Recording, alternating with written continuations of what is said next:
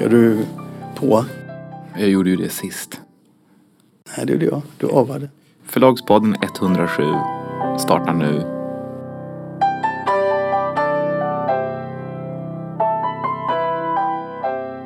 Du, vi måste ju ta det här. Vi kan inte låta bli. Vi kommer vara allra sist på den här bollen, men det gör ingenting tycker jag. Men vi måste prata om uh, Linda Skugges recension utav Kristina Sandbergs. Uh, Alla har ju pratat om det så det känns som att det, folk orkar inte höra även vad vi tycker om det. Nej, men jag tycker ändå att vi ska ta det lite. Jag tycker det är värt att ta. Eftersom den, är, den har ju verkligen delat folk i två läger. Då måste du berätta lite grann bakgrunden för de som inte har läst. Ja, alltså det handlar om Linda Skugges recension i Expressen eh, av Kristina Sandbergs nya bok eh, som handlar om hennes eh, cancersjukdom.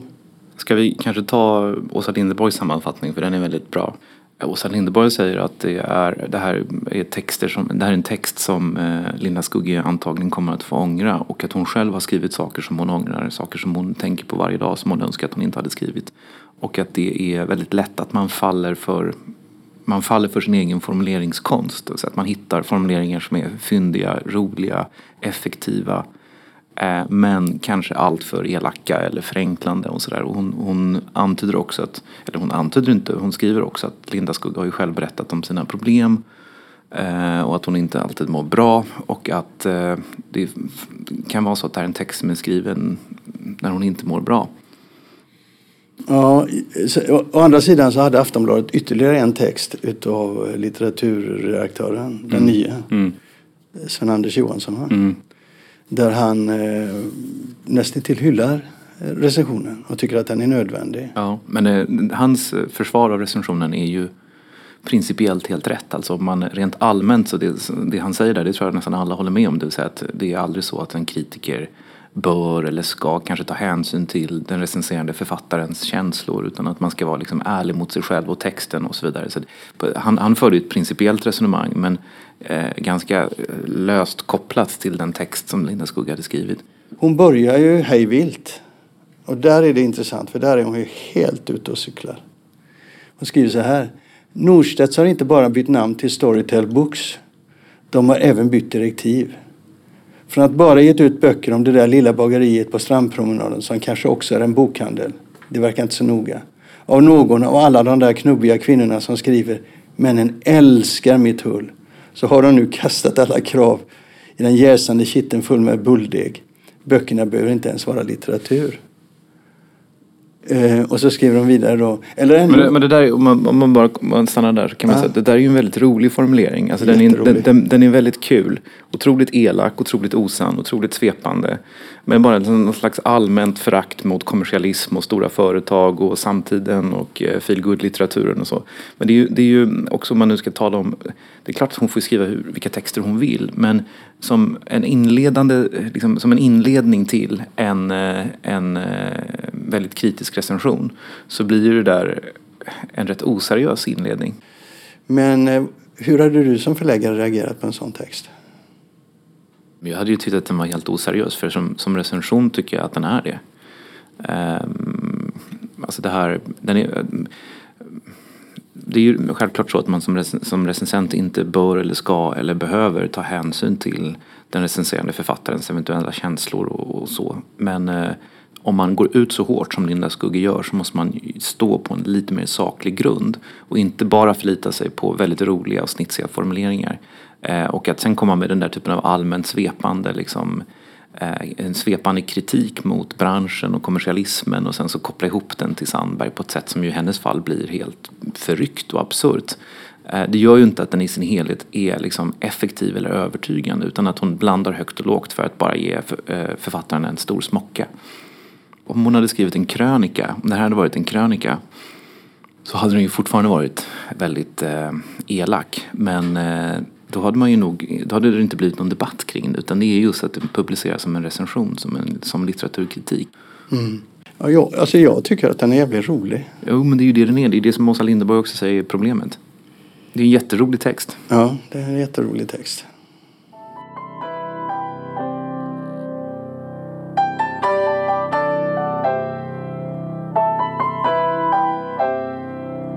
Jo, Kristoffer. Jag ringde till Maria Edsman, chefen för, eller VD för eh, Bokusgruppen för att prata lite runt börsintroduktionen den 4 juni då Volati, ägarna, knoppar av dem så att de blir ett självständigt bolag.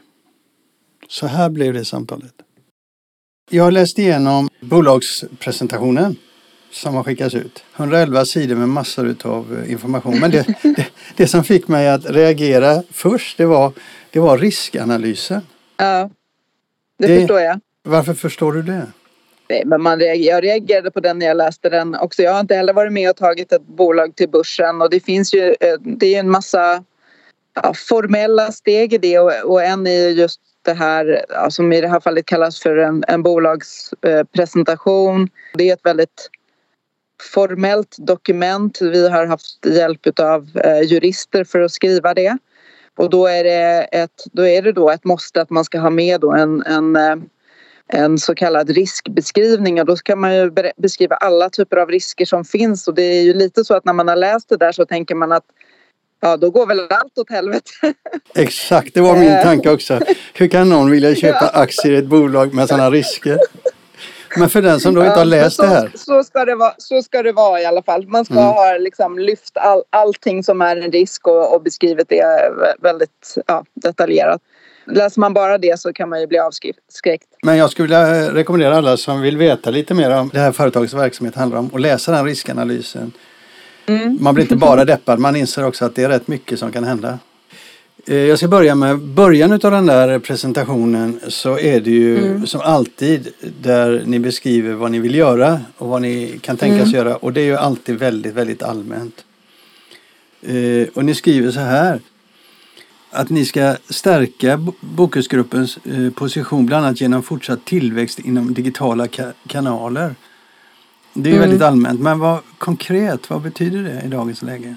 Eh, när vi säger digitala kanaler till att börja med då det är ju ett samlingsbegrepp kan man säga för Bokus, Bokus Play och Akademibokhandeln online. Mm. Eh, och det är ju där vi, vi ser de stora tillväxtmöjligheterna. Med det sagt så lägger vi fortfarande väldigt stor vikt på eh, butiksdelen av vår verksamhet eh, och där har vi ju tänkt oss att den vill vi hålla stabil över tid men tillväxtmöjligheterna ser vi då i ja, de här digitala kanalerna. Där på den digitala sidan så ligger den hårdaste konkurrensen. Ni nämner inte Amazon men de kommer ju växa och bli en, en konkurrent. Men Adlibris är ju en, mm. en del av det hela och sen är det då Storytel, Bookbeat och uh, uh, Nextory. Formidabel konkurrens på en relativt liten marknad. Mm. Och, och, om man tittar så på det hela så har jag mm. svårt att se om du inte menar något konkret här, till exempel eh, köpa upp en konkurrent eller eh, prisa er fram genom lägre priser och så, så har jag svårt att se hur den eh, tillväxten ska ske. Alltså det kan ju ske en viss tillväxt, det kan det göra, men det kan ju troligtvis bli på bekostnad av det fysiska. Och det har ni inte tänkt att minska. Så mm. hur går det ihop? Nej, men om vi börjar i, i eh, e-handelsdelen så tycker inte vi att vi har eh, att våra konkurrenter på något sätt är, är perfekta i dagsläget och vi tror att genom att vässa vårt erbjudande så finns det möjlighet att ta marknadsandelar.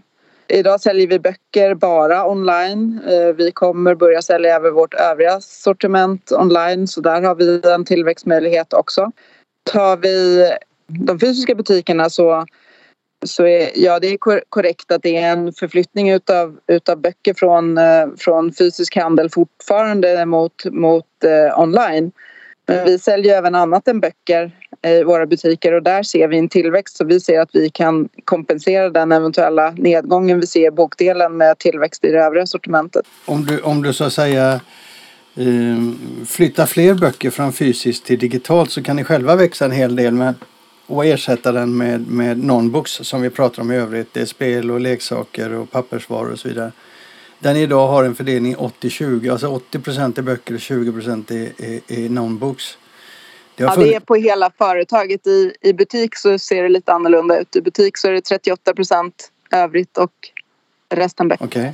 Ni skriver också att vi accelererar vår digitala omställning. Vad betyder det? Att vi tänker satsa mer, lägga mer investeringar på att satsa på de digitala kanalerna. Vi ser framför oss att det, det kommer att bli en viss stabilisering. Vi tror att det kommer vara någonstans mittemellan kanske det som har varit under en påtvingad pandemi eh, och det som var innan. Så liksom en del kommer att, gå tillbaka men en, del eh, nya beteenden liksom blir kvar. Vi tror också att eh, var människor rör sig kan påverkas en del med liksom en ökad grad utav hemarbete så vi kommer ha en, ett behov av att se över var vi har våra butiker. Det kan hända att det är något nytt läge som faktiskt blev intressant när fler människor arbetar hemifrån och kanske handlar mer utifrån var man bor istället för var man jobbar. Delvis eventuella nya etableringar för att, för att komplettera vårt butiksnät. Men sen också ja, vässa då vår närvaro på e-handeln och jag vet inte, alltså jag tror att det finns möjlighet att bli bättre och ha bättre erbjudanden än våra konkurrenter inom e-handeln. Du har 100 000 aktier idag eh, cirka i bolaget innan börsintroduktionen. Mm. Kommer mm. du köpa på dig fler? Kommer du visa marknaden att du tror på företaget? Eh, det som jag ska ta ställning till eh, här inom kort det är ju om jag ska köpa optioner som jag blir erbjuden att köpa. Eh, och det är väl ganska troligt att jag kommer göra det. Men där har jag ju också ett ja, relativt stort ägande redan som, som det är. Så, och jag tänker inte sälja i alla fall. En, en, en sista fråga. Ni redovisar kvartal ett här i, mm. här, i den här redovisningen och där säger ni att Bokus online ökar med 28 procent jämfört med förra årets siffror. Lägger man till Akis online då så är det total ökning på 37 procent. Och fysiska butiker minskar med minus 17 procent på jämförbara ytor, mm. butiker annars 19 procent. Det är en rätt saftig förändring. Mm. För nu är för första gången någonsin onlineförsäljningen större än fysisk försäljning. Ja. Var det förvånande siffror? Du har ju följt dem hela tiden förstår jag, men det, jag kan ju tycka att det är lite förvånande. Det är ju en rätt saftig nedgång på fysisk handel som inte... Men det kunde man ju se redan i, alltså om man tittar på bokförsäljningsstatistiken för helåret 2020 så var ju eh, fysisk bokhandel ner 19 procent och eh, eh, online var ju upp 19 procent och eh, där hade vi lite större uppgång då eh, i online och lite mindre nedgång i, eh, i, i fysisk bokhandel så, så att vi tog andelar i, i båda de kanalerna. Vi är oerhört glada över att vi har de här olika benen att stå på för då har vi lyckats fånga upp det i e-handelskanalen som vi tappade i butik. Men självklart är det här dramatiskt. Alltså det är ju jättestora förändringar i vad, vad, vad kunder handlar. Det som är, är glädjande att se tycker jag eftersom jag tror på och värnar också den, den fysiska delen av handeln eh, så är det ju roligt ändå att se att trots att inte restriktionerna har tagits bort så ser vi ju nu en positiv utveckling i butik. Mm. Sen, eh, sen april eh, så, så är, är ju försäljningen i butik bättre än förra året och då jämför vi oss till ja, pandemi-april mot pandemi-april om jag säger ja, så. Ja, jag förstår. Är det någonting mer du skulle vilja säga som jag borde ha frågat om men inte har frågat? Jag vill bara säga det att eh, jag eh, tycker att det här är spännande. Framförallt tycker jag det är roligt att eh, det finns möjlighet att bli aktieägare om man vill. Så jag välkomnar alla,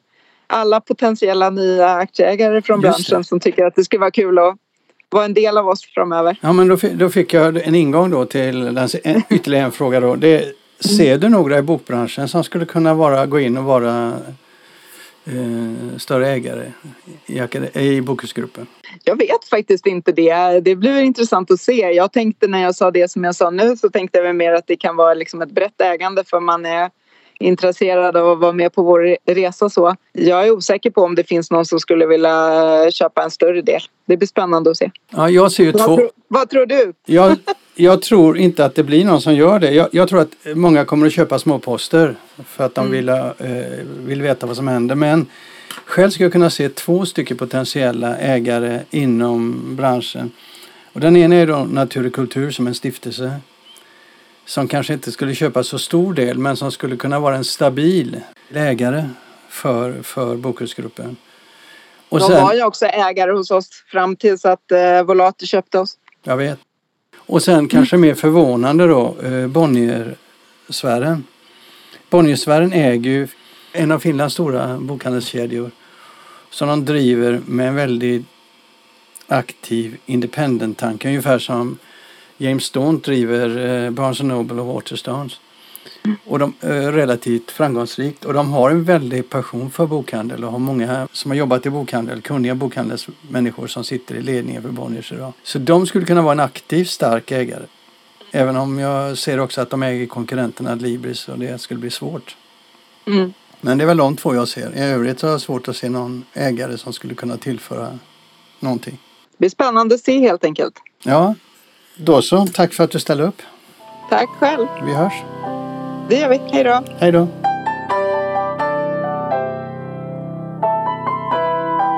Ja, så var det dags igen för avsnitt fyra av det vi kallar ett förläggarliv. Där Kristoffer går igenom sin förlagshistoria, sin förläggargärning så att säga. Och det blir totalt, tror vi, det blir totalt sex avsnitt som kommer de följande två delarna av Förlagspodden. Och då kör vi igång igen då. Mm. Och den, nu, nu sa jag när vi avslutade förra kapitlet här då, att du, eh, vi skulle ta, prata om när du tog ett sabbatsår. Mm. När var det? 2010, 2011? 2011, 2012. Varför gjorde du det? Ehm. nej men då, då var jag 31 va? 32, nej, 31, 32. Och jag hade drivit förlaget ganska länge. Och jag kände att eh, det var väldigt roligt och som jag upplevde att jag hade bott i Stockholm hela mitt liv och varit en regional pojke och inte sett så mycket av världen. Och jag kände att jag behövde utsätta mig för lite andra saker, se lite andra människor och lära mig något nytt. Inte så att jag var liksom eh, in, in i någon slags livskris eller så utan jag upplevde bara att jag skulle behöva göra något annat. Lära mig något nytt. Jag, var, jag hade lite andra idéer. Jag hade en idé om att jag skulle eh, liksom, åka till Berlin och läsa tyska. Jag hade någon idé om att jag skulle åka till Paris och läsa franska. Och så. Men sen, sen kom jag på att jag skulle läsa en master i modern history. I London. Mm. Och så såg du till att skaffa en ersättare. Mm. Som, nämligen, Annika Legat som då hade jobbat med förlaget ganska mycket tidigare. och eh, tidigare också på ICA-förlaget. Mm. Och så var du borta ett år. Ja, ett och ett halvt nästan. Och jag var och hälsade på där vid något tillfälle, kommer jag ihåg. Den här typiska eh, lägenheten. Du bodde i Bloomsbury. Nej, jag bodde i Malibon. Ja, jag menar. Där, nära Marylebone High Street. Mm.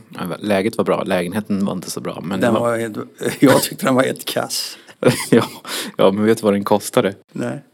Jag tror att den kostade 480 pund i veckan. Oh shit, det är rätt mycket. Mm. Det var den inte värd. Det var den inte värd, men alltså, då var priserna nästan, då var de nog högre än vad de är nu. Men alltså, det, var ju, det var ju en sunkig lägenhet på 32 kvadrat. Som, men det var ett Georgian house, alltså, så här townhouse högst upp. Och det var, den var ganska ljus för det var en, en, eh, ett fönster i taket. Och eh, den var ganska mysig fast det var ju inte mysigt. Men ja, det, läget var underbart. Mm.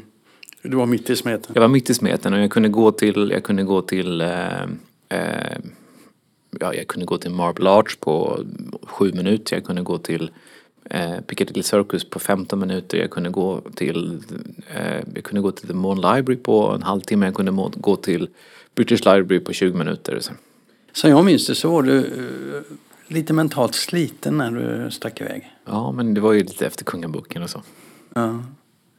Hur var det det här året? Jag tror att det, det var otroligt bra år. Alltså man... Jag ångrar inte överhuvudtaget. Eh, det är otroligt värdefullt att utsätta sig för lite andra saker. Att bryta sina mönster och liksom verkligen göra någonting helt nytt. Och det, det är förknippat med vissa inslag av förnedring och, och, och man måste verkligen skärpa till sig. Alltså det var, jag minns exempelvis, jag var ju då 31 och de flesta, i London ser det inte så som det är i Sverige att man surfar i Australien och sen så börjar man plugga på universitetet och sen så eh, jobbar man och sen så tar läser man kanske en master när man är 30-40 år. Utan de flesta går ju direkt. Så de flesta av de som jag läste med de var ju 22. Och det är väldigt stor skillnad var 32 och 22. Och jag minns att på torsdagar så hade det varit pub, student pub. Och jag gick dit i början och jag tyckte det var så plågsamt. Men sen gick jag dit och tyckte det var rätt trevligt faktiskt. Så det, var, det var väl lärorikt för mig. Ehm, sen var det ju tufft eh, med att skriva. Alltså det var väldigt mycket skriva och eh, det är svårt att skriva på utrikiska. Men du klarade det? Mm, jag fick till och med bra betyg. Men hur, har, har det påverkat eh, ditt förläggeri? Inte alls. Inte alls? Nej, inte alls. Inga kontakter du slöt där? Inga, inga idéer du fick där? Inga alls. London är en rätt så tuff stad att komma till. Därför att det är en, eh, jag brukar säga att London är en, en stad med professional survivors. Eh, det var så då, det är kanske mindre så nu efter Brexit. Och med professional survivors menar jag att det är det är så dyrt att bo i London. Eh, det är fullt utav, I Londons innerstad så är det väldigt mycket människor som jobbar väldigt hårt. Många är bankers. Ehm, alla har en karriär, alla jobbar jättehårt, jobbar hur mycket som helst. Sen är det fredag då super de ner sig. Lördag de super ner sig och sen så måndag så jobbar de hårt igen. Eh, och sen när de är 35, gifter sig och får barn så flyttar de tillbaks till Frank Frankrike eller Tyskland eller eh, så flyttar de ut, ut utanför London city och sådär. Så det är ju det är väldigt, väldigt, de som blir kvar det är, liksom, det är väldigt få personer. Så på så sätt är London en väldigt speciell stad. Och eh, visste du att när jag flyttade dit så slogs jag av detta faktum att 60% av alla som bor, eller som då bodde i Londons innerstad, hade inte engelska som modersmål. Sex, 60 procent. Och för mig var det lite grann en chock för att en, eh, mina kontakter med London tidigare var ju London Book Fair. Klart att jag hade varit i London annars sådär, men det var ju väldigt mycket London Book Fair och så. Och då träffar man nästan uteslutande övre engelsk medelklass. Men när man bor där då träffar man alla möjliga, alltså framförallt alla möjliga nationaliteter. Inte kanske på Kings College, det är också väldigt engelskt. Amerikanskt. Men, men, men eh, eh, det är väldigt internationellt, London är väldigt internationellt. Ja. Det är kul. Ja. Jag har alltid gillat det internationella. Sen kommer du tillbaka då och... Eh... Får jag bara säga en sak apropå det där med du sa med, med liksom, vad, fick du, vad fick du med dig? Erfarenheter är ju inte alltid någonting som man kan applicera på något praktiskt. Men någonting som man kan applicera på något övergripande. Det är ungefär som med bildning. Det är inte alltid så att du... Alltså att, att vara bildad i sig själv är ju inte så himla viktigt egentligen. Det är ju helt obetydligt. Betydelselöst det viktiga är hur bildbar du är. Och det är där som, det är där som jag liksom inte ångrar det där, den där tiden. Och jag träffade Peter Englund faktiskt i London på en, eh, han var där och gjorde, lanserade sin eh, bok om första världskriget, hans kanske bästa bok. Ehm, Stridens hetta och köld, jag kommer inte ihåg vad den heter nu men den, den är fantastisk. Eh, och då träffade jag honom och då frågade han vad gör du här? Jag sa att jag läste en master i modern history, tyckte förstås han var kul. Och då sa han till mig att du kommer inte ångra en dag som du har tillbringat i arkiven eller på biblioteket. Och jag håller med honom, alltså han hade rätt. Inte på så sätt att du kan ha någon praktisk användning för det men på, på ett annat mer övergripande plan. Vi ska komma in på det lite grann när det gäller utgivningen men bara en fråga jag borde ha ställt i början. Varför valde du att bli din egen? Tänkte du aldrig, funderade du aldrig på att ta anställning på ett förlag istället? Bra fråga. Nej, jag, tänk, jag vet inte faktiskt. Jag, jag, jag, kommer inte ihåg att jag ens tänkt den tanken. Men jag tror inte att jag skulle fått någon anställning. Därför att? Jag var för ung, jag var för oerfaren, jag hade ingen utbildning. Vad skulle jag blivit anställd som? Nej, det, det, men jag tror inte att jag tänkte så riktigt. Men var du egentligen när du var 20? Var du kaxig? Var du en kaxig typ? Mm.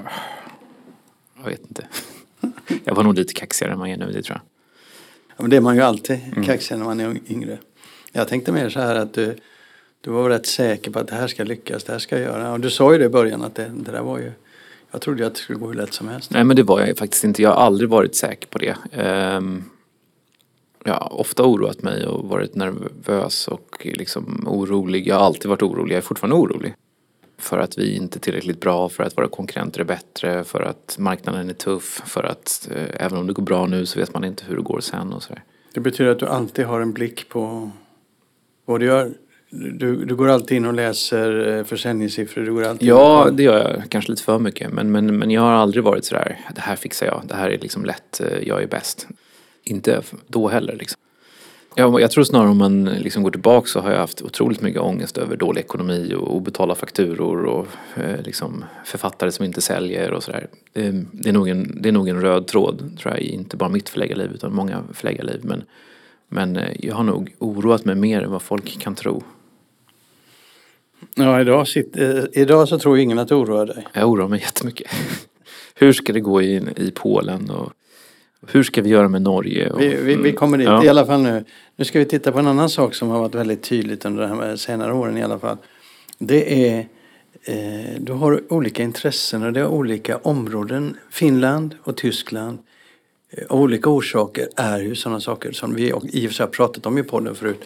Som du har haft ett intresse för och vurmat för i din utgivning. Mm. Båda har eh, Anders Gustafsson ärvt och förvaltat. Ja, men vi är inte där ännu utan vi är varför finns det överhuvudtaget de, de trådarna i förlaget? Mm, ja, ehm,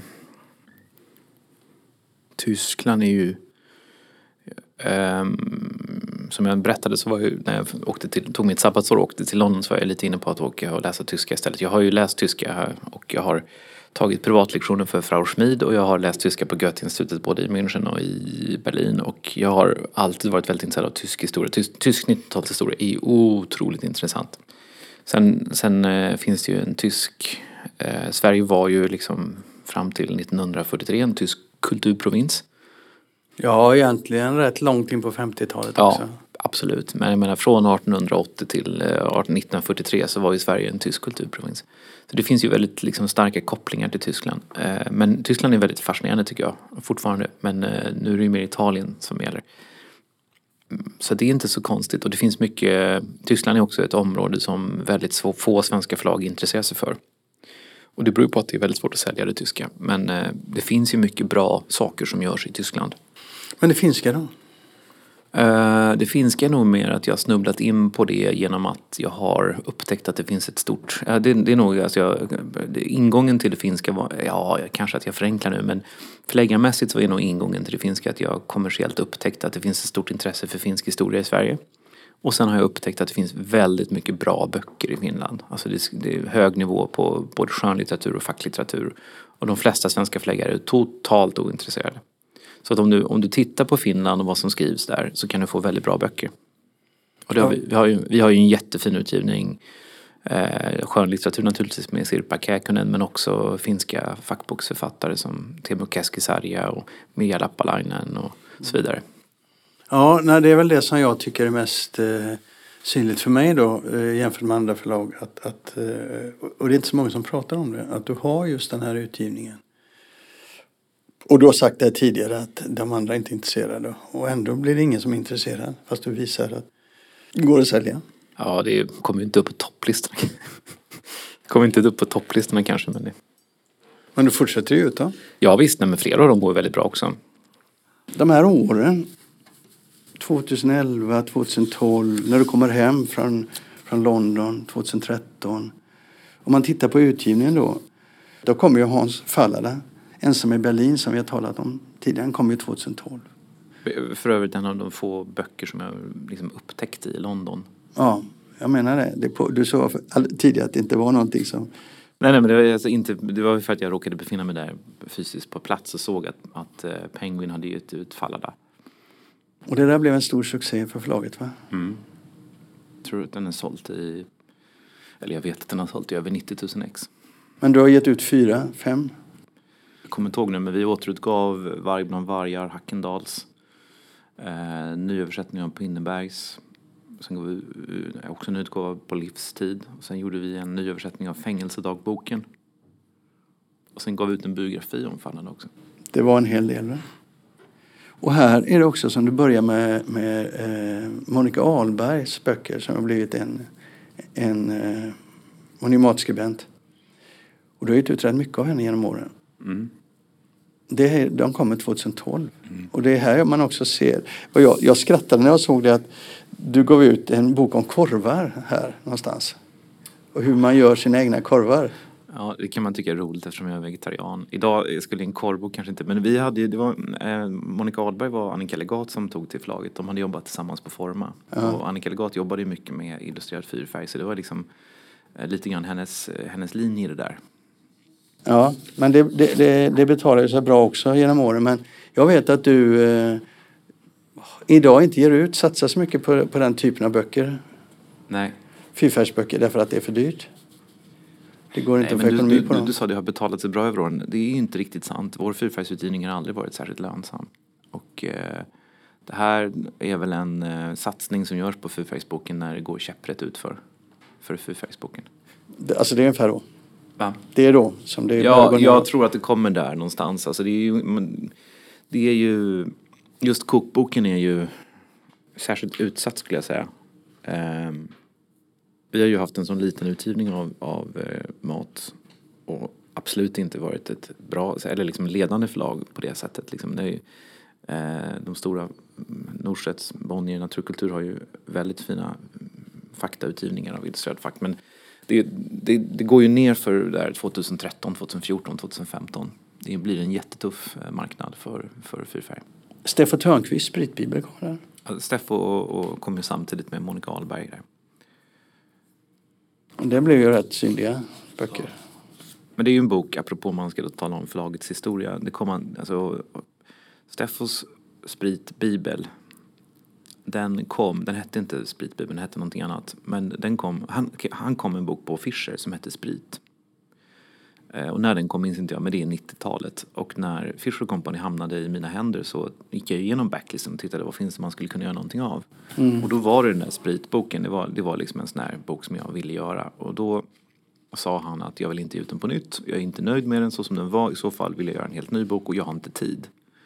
Så det tog ganska många år innan jag hade lyckats övertala honom att göra den där och då bytte vi titel på den, den kallades för Spritbibeln. Ja, Det är en helt annan bok men, men den, den står ju ändå på den där andra tidigare bokens grund kan man säga.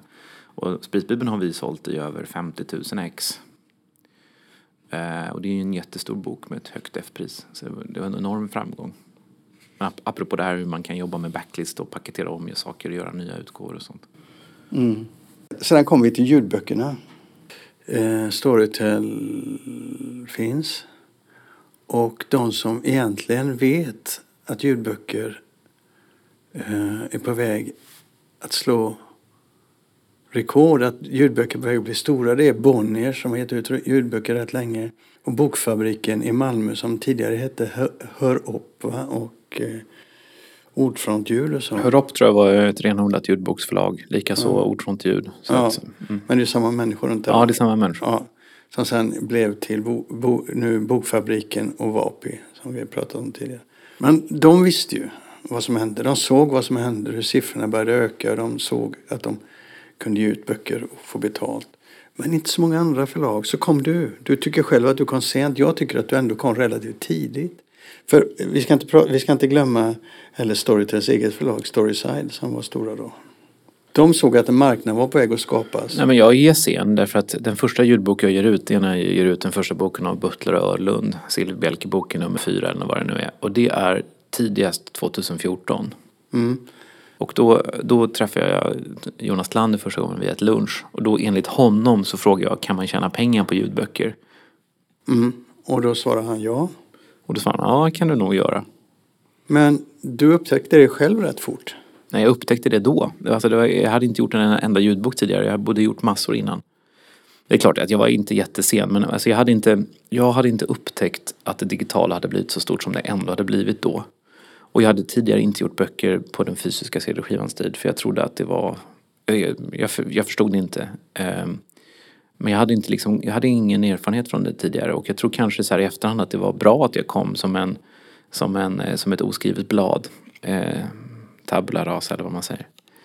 Att jag liksom började från scratch och såg oj, Ja, för sen satsade du verkligen. Norstedts var ju motsatsen. De hade till och med en egen studio på Riddarholmen som de hade Ja. avvecklat. Så Ja, för de, hade, de var bland de första Ja, och de gjorde ja, många. ja, och sen precis. la de ner. Och jag, precis, och, jag, och de hade nog en nackdel genom att de var en av de första. För de satsade jättemycket och var jätteduktiga. Och sen så försvann marknaden på grund av, att, på grund av digitaliseringen av Pirate Bay. Och då liksom tappade de helt fokus på ljudböckerna. Det är svårt att gå från att satsa till att satsa igen. Och det var fysiska ljudböcker. Det var fysiska ljudböcker. Ja. ja, så de var inte alls med. Nej, de var inte alls med. Och det är, iron, det är ironiskt, men jag tror verkligen att det berodde på att de, de var för tidiga liksom, och satsade och var duktiga och sen så slogs det sönder och då är det väldigt svårt att se att det ska komma på nytt. Men Fast jag, Bonnier gjorde ju samma resa och Ja. de, de drog inte alls någon slutsats utan de ökade och Nej, hade fingret på, på marknaden hela tiden. Mm. Och, eh, men där någonstans började du i alla fall. Och eh, egentligen alla andra förlag låg stilla. Det tog ett par år till för Nej, alla förlag låg inte stilla utan det producerades ju jättemycket ljudböcker. Men jag började ju då se, jag såg ju hur stort det var då. 2016 så gav du ut eh, över 100 ljudböcker. Mm. Från ett fåtal. Det är där någonstans du riktigt börjar växa. Eller som du sa till mig om dagen i fjol så gav du ut 700 ljudböcker. Ja, men det är ju totalt på alla marknader. Ja. Det var allt för idag. I nästa avsnitt så kommer, fortsätter vi med ljudboksutvecklingen men då kommer vi prata om den internationella satsningen som Kristoffer gör. Och prata lite om eh, ett rätt omfattande arbete med Sveriges militärhistoriska bibliotek och hur det påverkade utgivningen. Plus en massa annat. Nästa avsnitt, 108, kommer om en vecka. Mm. Sen kanske vi ska förbereda på att vi kommer att ta ett, ett uppehåll under sommaren. Sommarlov helt enkelt. Vi tar sommarlov egentligen och det blir väl eh, sju veckor tror jag. Något sånt där. Mm. Men vi återkommer till det. Men bara så att ni inte eh, håller på och rattar in oss i onödan. Hej då! Hej då.